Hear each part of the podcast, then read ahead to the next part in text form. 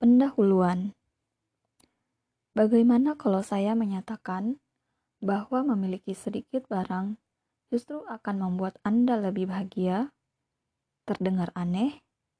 Ya, karena setiap hari, di mana pun kita berada, kita menerima pesan sebaliknya. Kita didorong untuk membeli berbagai barang agar tampil lebih menarik dan lebih sukses. Bahkan, untuk meraih kebahagiaan tanpa batas.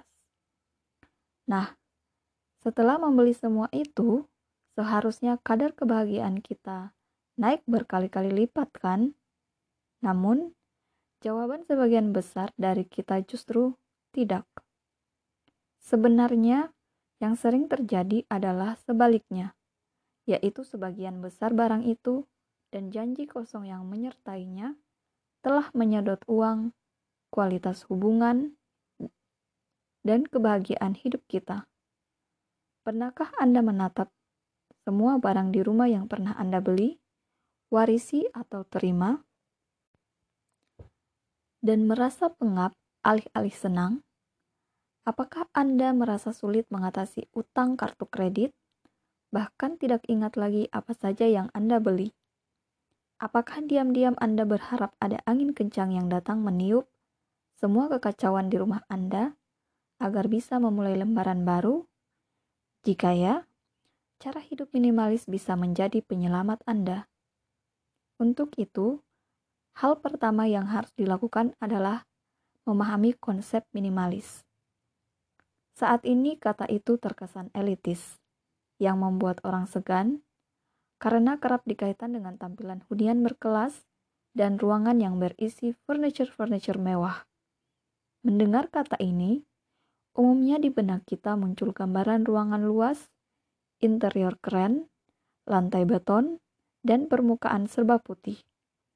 Semuanya terlihat kaku, serius, dan steril.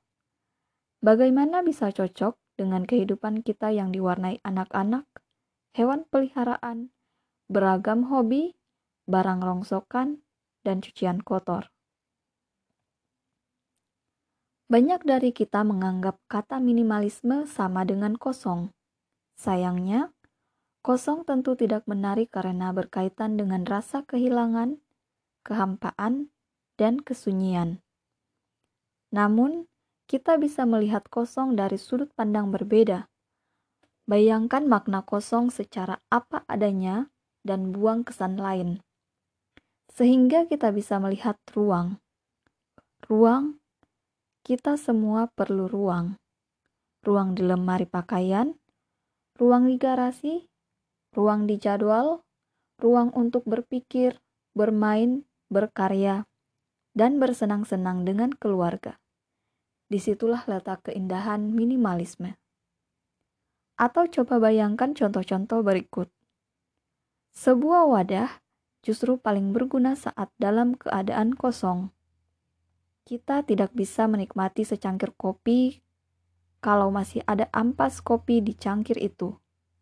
Kita juga tidak bisa menunjukkan kecantikan bunga-bunga di kebun jika masih ada bunga layu di vas. Hal sama berlaku untuk rumah kita. Saat rumah, kontainer kehidupan kita, penuh barang, jiwa kitalah yang merasakan dampaknya kita tidak punya waktu, tenaga, dan ruang untuk merasakan pengalaman baru.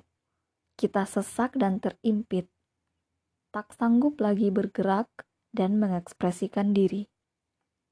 Menerapkan konsep minimalisme berarti kitalah yang mengendalikan barang-barang yang kita miliki. Kita yang menentukan ruang, fungsi, dan potensi rumah kita kita mengubah rumah menjadi tempat terbuka, penuh udara segar, dan mampu menampung hal-hal bermakna dalam hidup ini. Kita menyatakan kebebasan dari kondisi yang serba berantakan. Rasanya begitu membebaskan. Semuanya terdengar menyenangkan. Lalu, bagaimana caranya? Dari mana harus memulai? Apa bedanya buku ini dengan buku-buku lain yang bertema sama? Tidak seperti buku lainnya, buku ini tidak akan bicara tentang wadah-wadah cantik atau sistem penyimpanan. Buku ini bicara tentang mengurangi jumlah barang yang harus Anda kelola.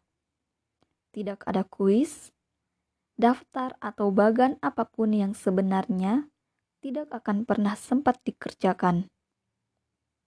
Tidak ada puluhan contoh kasus mengenai permasalahan orang lain. Inti buku ini adalah Anda. Bagian pertama buku ini akan menumbuhkan pola pikir minimalis Anda. Jangan khawatir, ini sama sekali tidak susah. Kita akan mempertimbangkan manfaat dan nilai positif dari hidup yang tertata.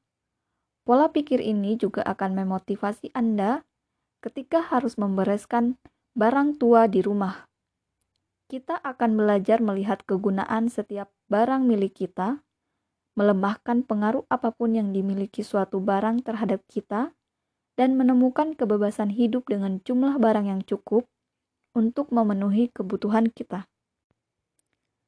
Kita akan berpikir sedikit lebih filosofis dan merenungi bagaimana minimalisme bisa memperkaya kehidupan serta menghasilkan dampak positif untuk mengubah dunia.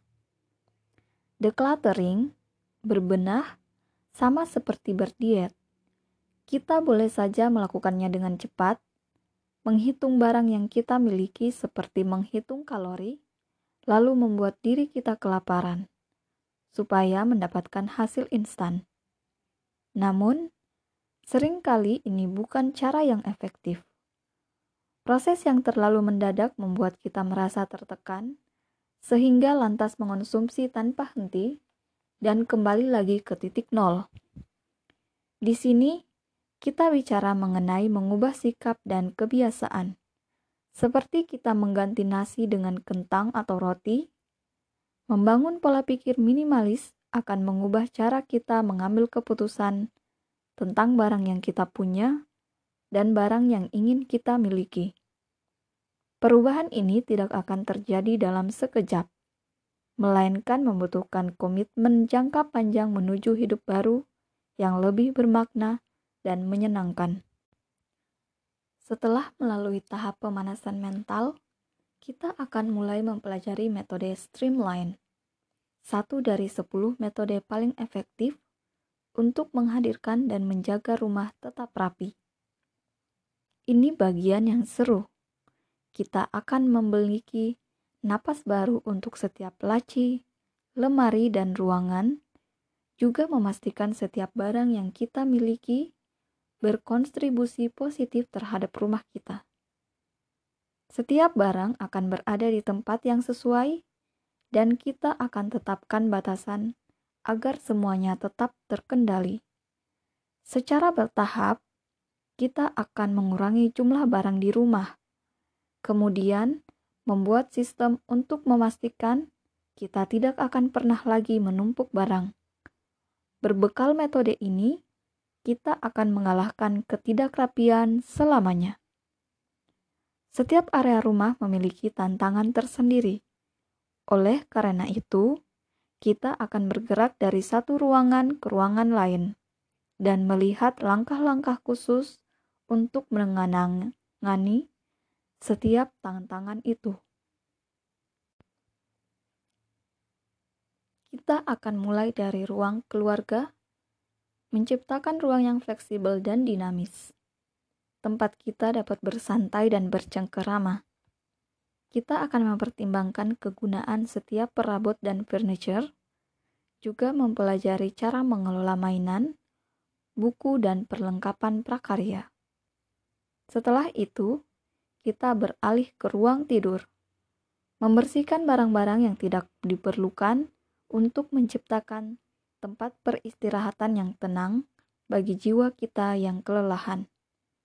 Ingat, tujuan kita adalah mewujudkan ruang yang bersih dan rapi, yang memberikan rasa tenang dan dapat mengembalikan energi kita. Selanjutnya, ada satu bab tersendiri untuk lemari pakaian karena banyak dari kita bermasalah dengan isi lemari pakaian. Saya janji Anda bisa tetap tampil menarik cukup dengan sepertiga dari isi lemari Anda saat ini. Kemudian, begitu sudah mulai merasakan keasikan proses ini, kita akan berlanjut ke ruang kerja untuk mengubah tumpukan kertas yang menggunung menjadi satu atau dua tumpuk saja. Konsep minimalis mampu menaklukkan ruang kerja sekacau apa pun. Berikutnya, kita masuk area dapur. Simpan setiap panci, wajan, dan wadah. Dengan meja dapur yang bersih dan peralatan masak sederhana, Anda pun tetap bisa menjadi koki andal di dapur. Lalu, kita beristirahat sebentar di kamar mandi sambil mengubah suasananya menjadi ruangan spa yang keren. Kita bahkan akan belajar menyederhanakan perawatan penampilan agar Anda tetap bisa terlihat menawan dengan menggunakan sedikit produk.